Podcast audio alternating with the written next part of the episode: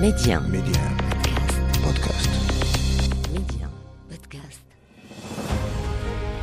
يقال من لا تاريخ له لا مستقبل له والتاريخ المغربي ماض مجيد يحفل بالوقائع والأحداث أفتح معكم أنا محمد الغول كتابه وأختار لكم منه كل أسبوع صفحة من صفحاته المشرقة صفحات من التاريخ ميدي 1 محمد الغول تاريخ المغرب أنوال المعركة والتداعيات. حدث تاريخي تجاوز صداه المغرب. سطره المغاربة بفخر في سجل بطولاتهم دفاعا عن الوطن.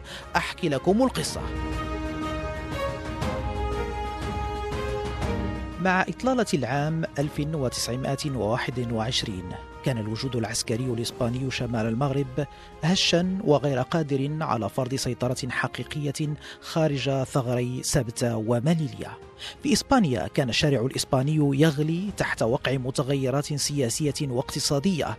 أنتجها فقد البلد لأمجاده الاستعمارية وفخره العسكري بجيش مهزوز ينخره الفساد والهزائم خاصة هزائم حرب كوبا.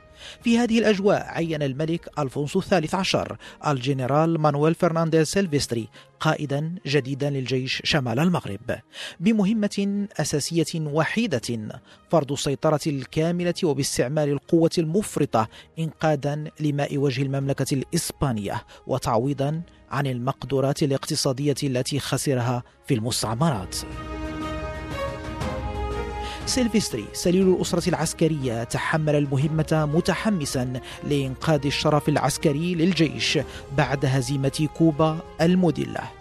مسهلا مهمته بتحريك وحدات الجيش انطلاقا من ثغر ماليليا لتصل بسرعة ودون مقاومة باستثناء بعض المناوشات البسيطة إلى مرتفعات العروي حيث تحصنت بعدد من المراكز أحدها والأكثر تقدما مرتفع ظهر بران الاستراتيجي الذي يفتح الطريق سالكا في اتجاه سهلينكور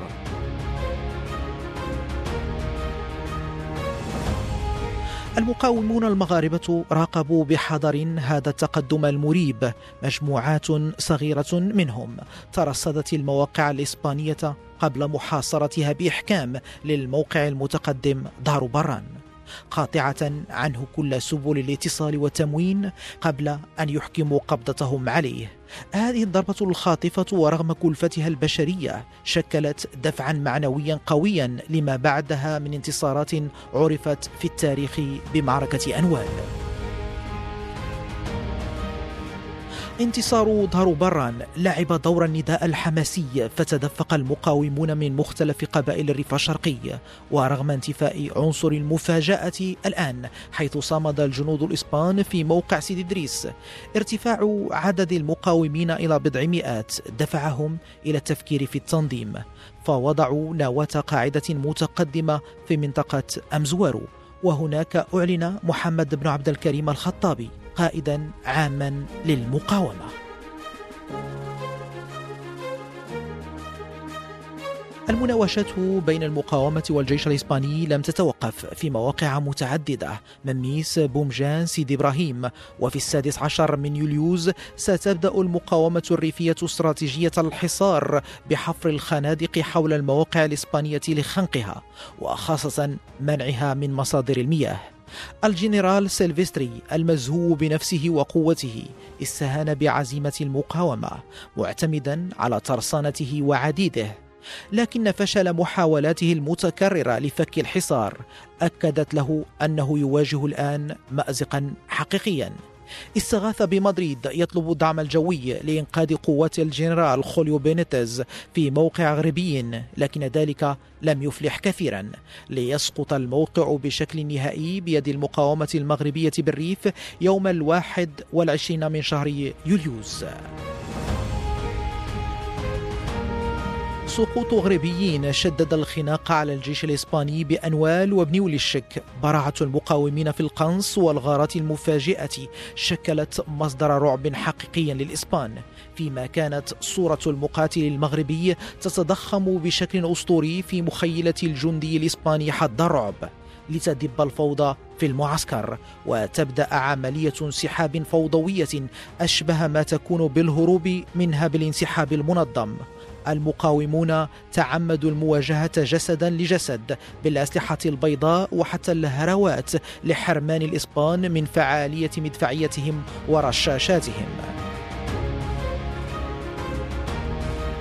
الفوضى الإسبانية ستتفاقم مع إعلان مقتل الجنرال سيلفستري والكولونيل موراليس وغالبية القادة والضباط. المقاومون تعقبوا الفلول الهاربة عبر وديان جبال سمار على الطريق بين أنوال وأي طيب لينقشع غبار المعركة عن كارثة حقيقية للإسبان. الاسم الذي تحمله في الكتابات الإسبانية حتى يومنا هذا. خسارة بآلاف الجنود بين قتلى جرحى وأسرى وكميات ضخمة من الأسلحة والذخيرة. ستكون عماد المعارك المقبلة للمقاومة المغربية في الريف.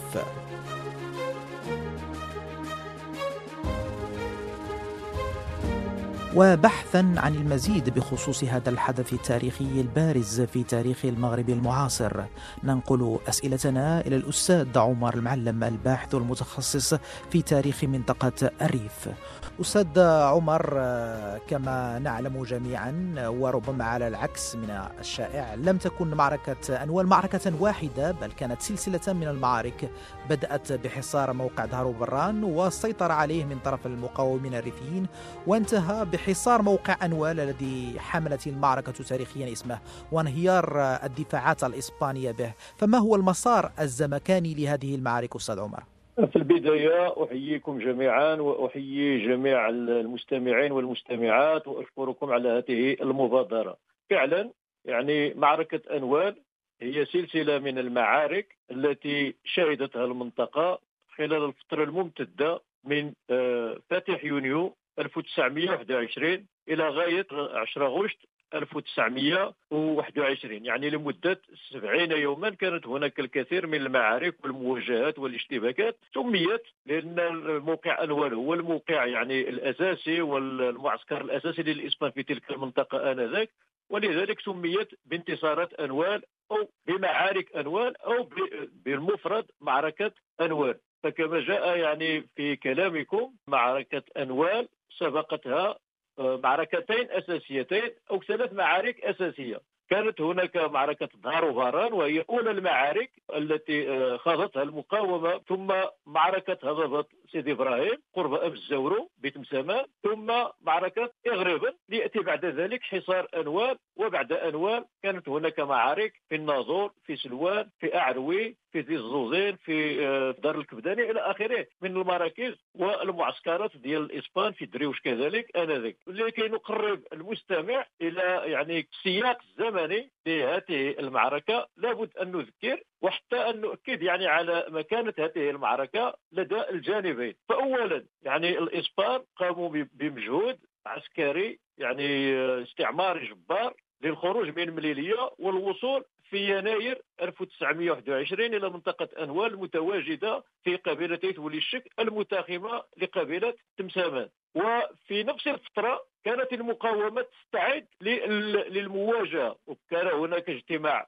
أول في بوكيدار هنا قرب الحسيمة مدينة الحسيمة لم تكن موجودة ولكن لكي يعرف يعني المستمع على ماذا نتحدث. ثم اجتماع آخر في إمزورة ثم اجتماع في جبل القامة. حيث كان يعني معسكر كبير جمع في البداية 500 مقاوم ليصل العدد في أواخر ماي إلى 3000 مقاوم وفي آه، جبل القامة عقد مجموعة من آه، من الأعيان ومن الإمغام ومن مسؤولي يعني القسمات القبلية اجتماعا يعني خلص إلى مجموعة من القرارات يعني اهمها اولا وضع حد لعملية الثار بين القبائل والقسمات وعملية القتل والقتل المضاد ثم ثانيا مواجهة المد والتوسع الاستعماري الإسباني بالقوة وبالسلاح ثم ثالثا آه، يعني تعيين محمد بن عبد الكريم الخطابي زعيما للمقاومة المجتمعة آنذاك في اذرار نرقامث بتمسامان ومن هناك يعني ستشرع المقاومة في تهيئ الشروط لا النفسية ولا التقنية ولا الاستعداد لمحاصرة الاسبان كانت نية المقاومة في البداية هو وضع معسكر آخر فوق دار بارن لأنه موقع استراتيجي منه يمكن يعني مراقبة وادي قران وكذلك يعني مراقبة تحرك الاسبان على طول الخط الممتد من سيدي إدريس إلى زيزي عزة اللي كيمر من حاليا بودينار خشب مغار الزاورو آه، زغور النج يعني مجموعة من من الأماكن المتواجده بتمسامان ولكن آه، الاسبان تفطنوا إلى هذه المسألة وصارعوا إلى آه، يعني فرض سيطرتهم على ظهر وباران جاءوا يعني بواحد الجيش تقريبا العدد ديالو شي 1500 ولكن لما احتلوا مرتفع ديال ظهر وباران بقي في الموقع حوالي 250 إلى 350 حسب يعني المراجع التي تكلمت عن عن هذه المعركة. هذا الشيء تم ليلة 1 يونيو 1921 المعسكر تم إنشاؤه فوق ابار فجر يعني 1 يونيو. ومع الدور هاجمت المقاومة بثلاثة أجنحة يعني بثلاث فرق. فرقة من جهة بو يعقوب بتمسامان فرقة من جهة دواري فاسير وفرقة أخرى يعني من من جهة الشمال.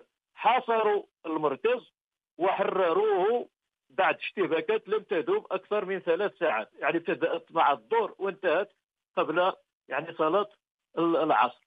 وهذا الانتصار أعطى زخما للمقاومة ورفع من معنويات المقاومين ومكن المقاومة من مجموعة من الأسلحة والعتاد ومدفعين أه تقول بعض المصادر أو مدفع واحد على الأقل.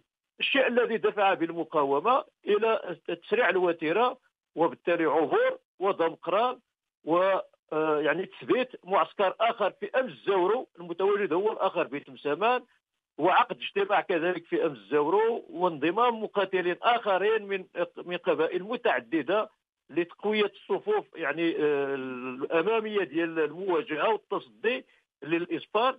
ثم كانت محاصرة يعني إغريبا قبل محاصرة إغريبا كانت الاشتباكات في هضبة سيدي إبراهيم كان الفوز فيها يعني من نصيب المقاومة ثم حصار إغريبا الذي دام خمسة أيام من 17 يوليوز إلى 21 يوليوز والذي يعني انتهى بانتصار المقاومة وفشل الإسبان وانسحابهم صوب أنوال ولكن أكبر العدد من المتواجدين تم قتلهم على الطريق.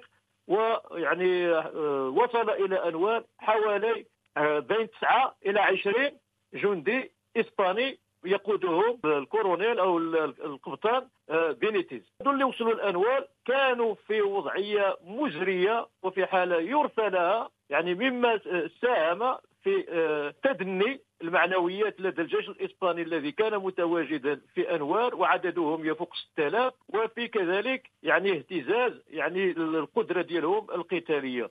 طيب آه لنستمر في نفس السياق آه أستاذ عمر معركة أنوال كان لها ما قبلها وما بعدها، ما قبلها أن الإسبان حاولوا تغيير استراتيجيتهم العسكرية في الريف مع تولي الجنرال سيلفستري قيادة القوات الإسبانية في الريف بمحاولة إحكام السيطرة على كامل الريف ترابيا وتواجدهم في أنوال والموقع المتقدم لظهر أبران جزء من هذه الاستراتيجية استراتيجية الاندفاع العسكري. فما هي الأهمية الاستراتيجية جغرافيا لموقع أنوال التي جعلت سواء المقاومة؟ كما الإسبان يختارونه ميدانا لحسم المعركة.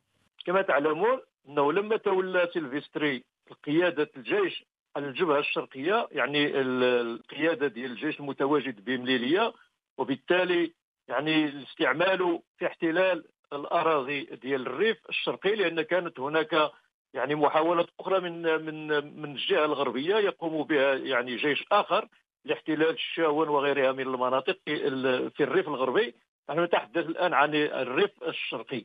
آه يعني استعمل سيلفستري سياسة كما كيسميوها بقعة الزيت وهو الانتشار التدريجي وسط القبائل وبالتالي احتلال رقعة ورقعه مع شراء الزمام مع استعمال الأموال مع يعني ادعاء على أنه غادي يقوموا بواحد المجموعة من الخدمات يعني الاجتماعية والإنسانية لفائدة السكان ديال المنطقة إلى آخره من الأساليب المعروفة لدى المستعمرين اللي هما كيعتبروا على أنها تقدر تمكنهم من توطيد العلاقة ديالهم مع السكان المحليين وبالتالي فرض السيطرة ديالهم والاحتلال ديالهم.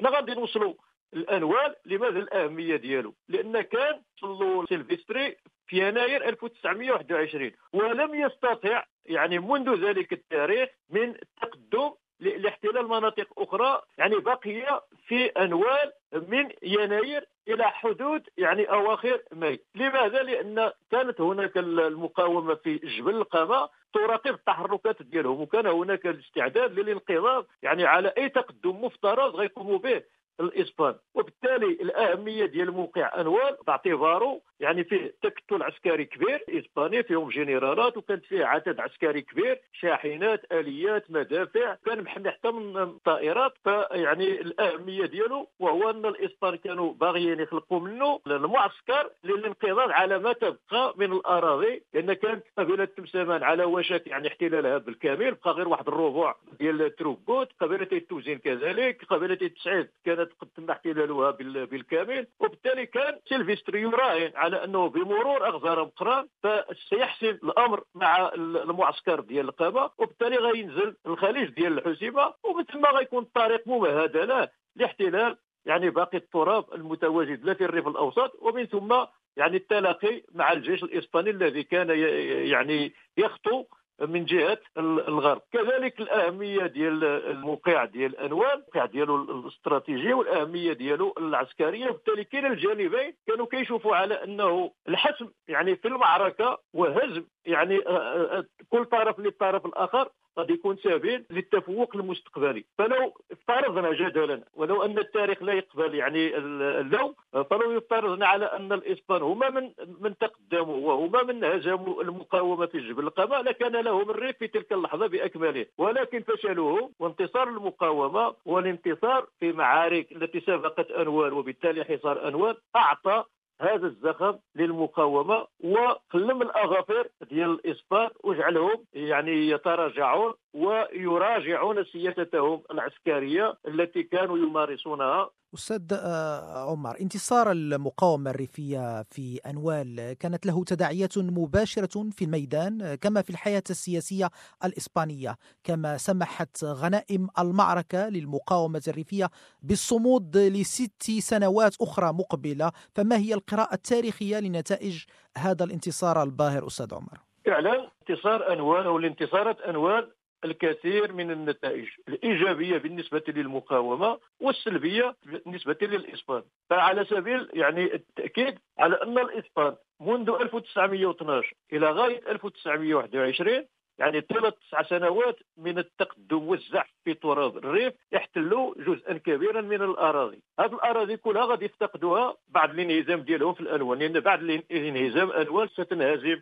باقي يعني المعسكرات في عدد من المعارك وبالتالي في ظرف 70 يوم غتمكن المقاومة من تحرير الأراضي اللي احتلوها الإسبان في مدة تسع سنوات. وهذا إنجاز كبير للمقاومة رفع من معنويات المقاومة. أضف إلى ذلك على أنه في انوان وفي غيرها من المراكز كان هناك العديد من الأسلحة والعديد من العتاد والعديد من الآليات والعديد من الوسائل الطبية ومن المواد الغذائية. هذا الشيء كله غادي تستمر المقاومة فيما بعد لأنه يقال على أنه النتيجة النهائية لهذه المعارك كلها كانت شي 200 مدفع وشي 20000 بندقية. هذا الشيء كامل غتستغلوا المقاومة من أجل الذهاب بعيدا إلى آخره من المكاسب ومن الإنجازات. على المستوى العسكري كذلك تمكنت المقاومة من هذه الأسلحة التي غنمتها من المعارك التي تمت من تقوية صفوفها ومن فتح جبهات أخرى للقتال لأن بعد أنوار في أواخر يعني 1921 سينتقل المقاومون إلى الجبهة الغربية وسيحاصرون الاسبان وسيتمكنون من تحرير الشاون ومن تحرير واحد المجموعه من الأراضي من الريف الشرقي وحتى على الجبهة الجنوبية يعني المتاخمة للفرنسيين. غادي تكون مواجهة. هذا الشيء كله بفضل السلاح اللي آه تم الغنم ديالو في آه معركة أنوار. على المستوى الإسباني كانت نتائج كارثية. اولا الجيش ديالهم تقريبا شي 15000 واحد كانوا يعني الضحية وكانوا قتلى وكانوا جرحى. يعني تقريبا الجيش الإسباني في الجهة الشرقية انهار عن آخره. قليل منهم هم الذين يعني هربوا إلى مليلية والبقية يعني كان أسرى لدى المقاومة يعني اتفاقية فيما بعد مع الإسبان لارجاع حوالي 350 أسير مقابل واحد الفدية قدروها 4 مليون بالسيطه كذلك كان له وقع حتى على السياسة الداخلية للإسبان لأنه بسبب الهزائم يعني المتتالية للإسبان السلطان فانقلب الجيش ضد الملكية وجاءت الدكتاتورية ديال بريمو دي ريفيرا مكان يعني الملكية وبالتالي يعني الجيش فرض السيطرة حتى على يعني على المناحي ديال الحياة السياسية في إسبانيا. وبسبب تلك الهزائم والهزائم التي ستشهدها إسبانيا في معارك أخرى لاحقا ستكون يعني هناك حرب أهلية في إسبانيا في 36 39 وستكون ديكتاتوريه فرانكو يعني اللي استطاع يبني الأمجاد ديالو ولا القوة ديالو انطلاقا من المنطقة ديال الريف بعد من طبيعة الحال أن تم يعني احتلاله في 1927 شكرا جزيلا أستاذ عمر المعلم الباحث في تاريخ الريف. شكرا جزيلا لك. تحياتي. كانت هذه إذا مستمعينا محاولة لتقريبكم من واحدة من أبرز بطولات المغاربة والتي هي كثيرة في مقاومة الاستعمار. هذه البطولة معارك أنوال للتذكير أكملت مئويتها شاهدة على تاريخ طويل من التشبث بالأرض والوطن. شاكر لكم مستمعين حسن المتابعة والاهتمام وإلى الأسبوع المقبل. نلتقي في صفحة أخرى من صفحات كتاب تاريخ المغرب. ميدي 1 محمد الغول تاريخ المغرب.